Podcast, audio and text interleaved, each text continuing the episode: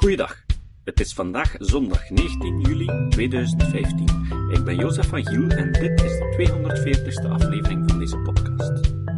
Wetenschappers van de Universiteit van Gent en de KU Leuven en het UZ van Gent presenteerden op 25 maart 2014 de resultaten van hun onderzoek over seksuele gezondheid in Vlaanderen.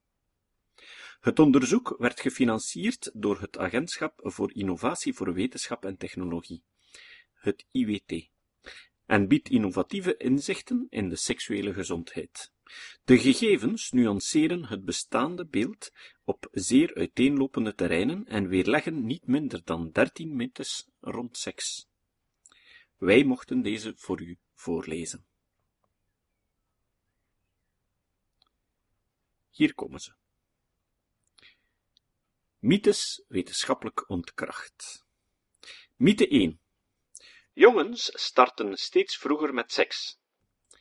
Sekspert, feit. Jongeren starten iets vroeger, maar zijn er daarom niet minder klaar voor. De gemiddelde leeftijd waarop Vlamingen starten met geslachtsgemeenschap is inderdaad wat afgenomen onder de jongere generaties, rond 17 jaar, in vergelijking met de oudere generaties, rond 20 jaar bij 65-plussers. Maar de tijd die men erover doet om het seksuele traject van tongzoenen tot geslachtsgemeenschap af te leggen, bedraagt 2,5 jaar en is even lang als bij de oudere leeftijdsgroepen. Jongeren vandaag zijn dus niet minder klaar voor hun eerste keer. Mythe 2 De Vlaming heeft twee tot drie keer seks per week. Sekspertfeit De Vlaming heeft gemiddeld één keer seks per week. Seksueel ervaren Vlamingen hebben gemiddeld 1,2 keer seks per week. Dat is 5 keer per maand. De seksfrequentie is lager bij tieners, hoger bij twintigers, dertigers en veertigers, en opnieuw lager, gemiddeld minder dan 1 keer per week, bij 50-plussers. Mythe 3. Seks is geslachtsgemeenschap. Sekspertfeit. Vlamingen hebben een ruime variatie in seksueel gedrag. Seksueel ervaren Vlamingen hebben in de afgelopen zes maanden vaginale seks gehad, 82%, gestreeld, 84%, geslachtsdelen aangeraakt of gestimuleerd, 83%, naakt bij elkaar gelegen, 79%, elkaars naakte lichaam gestreeld, 77%, en orale seks gegeven, 55%, en gekregen, 51%. Mythe 4. Aan het bloedverlies bij de eerste keer kan je nagaan of iemand maagd is. Sexpert feit. Bloedverlies bij de eerste keer is geen goede maagdelijkheidstest. Tweede generatie vrouwen van Turkse origine rapporteren vaker bloedverlies bij de eerste keer, 83%, dan Vlaamse vrouwen, 59%. Wellicht speelt sociale wenselijkheid hierin een rol. Veel vrouwen ervaren dus geen bloedverlies bij de eerste keer, zodat het bezwaarlijk als maagdelijkheidstest kan gezien worden. Vrouwen die bloedverlies rapporteren, beleven hun eerste keer trouwens vaker als pijnlijk en als minder positief. Voor vrouwen van Turkse origine kan een korter seksueel traject, kortere tijd tussen eerste keer tongzoenen en eerste geslachtsgemeenschap, een verklaring bieden omdat het leidt tot zich minder klaar voelen voor een meer negatieve beleving van de eerste keer. Mythe 5. Iemand met een holibi-seksueel verlangen vrijt met iemand van hetzelfde geslacht. Sekspertfeit. Er is meer holibi-seksueel verlangen dan er holibi-seksueel gedrag is. Seksuele oriëntatie omvat zowel gedrag, verlangen, fantasie als zelfbenoeming. Driekwart van de vrouwen met een holibiseksueel verlangen vrijen niet met iemand van hetzelfde geslacht en of noemen zich geen holibi. 72%. Bij de mannen is dit bijna de helft, 46%. Er is dus meer holibiseksueel verlangen dan holibiseksueel gedrag. Mythe 6. Tegenwoordig zijn alle zwangerschappen gepland. Sekspertfeit. 1 op 4 zwangerschappen is ongepland. De anticonceptierevolutie heeft ons idee omtrent zwangerschap sterk veranderd. Het aandeel ongeplande zwangerschappen is inderdaad verminderd over de tijd, maar bedraagt momenteel toch één zwangerschap op vier. En het aandeel ongewenste zwangerschappen binnen de ongeplande zwangerschappen is gelijk gebleven doorheen de verschillende leeftijdsgroepen. Twee op drie ongeplande zwangerschappen zijn aanvankelijk ongewenst. Eén op drie blijft ongewenst. Mythe 7. De legalisering van abortus heeft geleid tot meer abortussen. Sexpertfeit. De abortuswet geeft geen stijging in het aantal uitgevoerde abortussen. Ongewenste zwangerschappen uit de jaren 70 tot 90 werden vaker geaborteerd in de 20 jaar daarvoor, 1950 tot 1969. Er zijn nu niet meer zwangerschappen die eindigen in een abortus dan in de jaren 70 tot 90. De abortuswet biedt wel de professionele context voor meer veilige abortus. Mythe 8. Een abortus is nefast voor het latere mentale welzijn van vrouwen. Sexpertfeit. Vrouwen met abortuservaring rapporteren niet minder mentaal welzijn. Er is geen verschil in mentaal welzijn tussen vrouwen die wel of geen abortus lieten uitvoeren. Een abortus gaat dus niet per definitie samen met een verminderd mentaal welzijn. Vrouwen die een ongewenste zwangerschap hebben uitgedragen, rapporteren wel minder mentaal welzijn. Zij hebben het mentaal wel moeilijker later in het leven. Mythe 9. Mannen zijn geen slachtoffers van seksueel grensoverschrijdend gedrag. Sexpert feit. Meer vrouwen, maar niet enkel vrouwen zijn slachtoffer. Vrouwen worden vaker het slachtoffer van seksueel grensoverschrijdend gedrag dan mannen, en dit zowel in de kindertijd, 10,6% van de vrouwen, als in de volwassenheid, 6% van de vrouwen. Maar ook 6,3% van de mannen maakt minstens één vorm van seksueel grensoverschrijdend gedrag mee voor de leeftijd van 18 jaar en 1,7% van de mannen na de leeftijd van 18 jaar. Mythe 10. Seksueel overschrijdend gedrag bepaalt het later seksueel functioneren. Sexpertfeit. Seksueel grensoverschrijdend gedrag in de kindertijd is een risico voor minder goed mentaal en fysiek functioneren in het verdere leven. Slachtoffers van seksueel grensoverschrijdend gedrag zijn even tevreden met hun huidig seksleven en hechten er evenveel belang aan dan niet-slachtoffers. Ervaring met seksueel grensoverschrijdend gedrag in de kindertijd houdt echter wel verband met verminderd mentaal en fysiek welbevinden later in het leven. Mythe 11. Seks is natuurlijk en spontaan en gaat altijd vanzelf. Sexpertfeit. Één vrouw op vijf en één man op acht heeft een seksuele dysfunctie.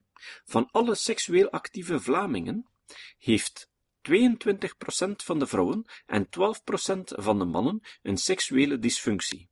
Een seksueel functieprobleem waarvan ze tevens last ondervinden. Hoewel er hinder wordt ondervonden in de relatie, door de partner of door de persoon zelf, is hulpzoekend gedrag eerder beperkt. 4 op 5 vrouwen en 1 op 8 mannen met een seksuele dysfunctie hebben daarover nog nooit een hulpverlener gecontacteerd. Mythe 12. Elke vrouw voelt zich vrouw. Elke man voelt zich man. Sexpert feit. Gender-nonconformiteit komt voor. Genderincongruentie komt voor. 0,6% van de mannen voelt zich vrouw en 0,3% van de vrouwen voelt zich man. Ook genderambivalentie komt voor. 0,9% van de mannen en 1,3% van de vrouwen voelt zich evenveel man als vrouw. Mythe 13. Tienerzwangerschappen zijn een groot probleem in Vlaanderen. Sexpertfeit. De prevalentie van ongeplande tienerzwangerschappen is laag. Preventie is en blijft belangrijk. Twee tienermeisjes uit onze steekproef maakten een zwangerschap mee. Geen van deze zwangerschappen werd uitgedragen. De prevalentie van tienerzwangerschappen komt hiermee op 3,2 procent in de Vlaamse bevolking, wat in internationaal perspectief een laag cijfer is. Preventie blijft hier belangrijk. Naar een seksueel gezonder Vlaanderen. Een op wetenschap gestoelde aanpak voor beleid en praktijk. De resultaten van Sexpert geven aanknopingspunten voor beleid en praktijk. Kernthema's daarbij zijn de continuering van bestaande inspanningen en nieuwe speerpunten. Seksualiteit zien binnen een levensloopperspectief, klemtoon op gelijkheid en diversiteit, openheid, een transversale aanpak en verdere verkenning. Continuering van bestaande inspanningen en nieuwe speerpunten. Globaal genomen is de seksuele gezondheid van de Vlaming goed, maar op verschillende terreinen is nog gezondheidswinst te boeken. De geleverde inspanningen voor seksuele gezondheid in Vlaanderen moeten worden verder gezet en uitgebreid. Bijvoorbeeld rationele en seksuele vorming voor jongeren. SOA en HIV-preventie, abortus, hulpverlening, anticonceptie. Daarnaast is er nood aan extra aandacht voor wat minder goed loopt, met name voor seksuele dysfuncties en voor seksueel grensoverschrijdend gedrag. Seksualiteit en levensloop. Het bevorderen van de seksuele gezondheid van jongeren is waardevol. Het loont immers op termijn omdat kennis, attitudes, waarden en vaardigheden geïntegreerd worden in de levensstijl van de jongere doorheen zijn of haar verdere leven. Daarnaast is preventie belangrijk. Minderjarigen zijn immers vaker slachtoffer van seksueel grensoverschrijdend gedrag. Maar een levensloopperspectief is evenzeer van belang. Naarmate men in andere levensfases terechtkomt, veranderen behoeften en noden binnen de seksuele gezondheid. Zo zijn seksuele functieproblemen en dysfuncties verbonden met het verouderingsproces, en is de levensfase en situationele context verbonden met ongeplande en of ongewenste zwangerschap. Gelijkheid en diversiteit. In de overweldigende gelijkheid van de seksuele gezondheid tussen de drie sekspert steekproeven, algemene bevolking, holibies en mensen van Turkse origine, vinden we slechts drie domeinen waarop een doelgroep specifiek beleid gerechtvaardigd lijkt. 1. Er is meer seksueel grensoverschrijdend gedrag bij holibies. 2. Er is een korter seksueel traject bij vrouwen van Turkse origine, wat hen kwetsbaar maakt voor een minder positieve en vaker als pijnlijk ervaren eerste keer. En 3. Seksueel actieve vrouwen van Turkse origine binnen de reproductieve leeftijd gebruiken minder anticonceptie. Elk van deze drie verschillen verdient extra aandacht. Openheid. Het is niet omdat er veel over seks wordt gesproken, dat seksualiteit in al zijn aspecten en op een ernstige manier bespreekbaar is. De drempel voor mensen die hulp wensen bij moeilijkheden is soms hoog. Het taboe op hulpverlening wegwerken en de hulp toegankelijker maken zijn aandachtspunten voor het beleid. Transversale aanpak. Seksualiteit in al zijn aspecten houdt geen rekening met taakomschrijvingen of een organisatorisch onderscheid tussen promoten van gezondheid en detecteren van zorgnoden. De opleiding van intermediairen, artsen, onderwijzend personeel hulpverleners, zou dan ook moeten voorbereiden op hun informerende en opvoedende rol en op het bespreekbaar maken van grensoverschrijdend gedrag en seksuele problemen.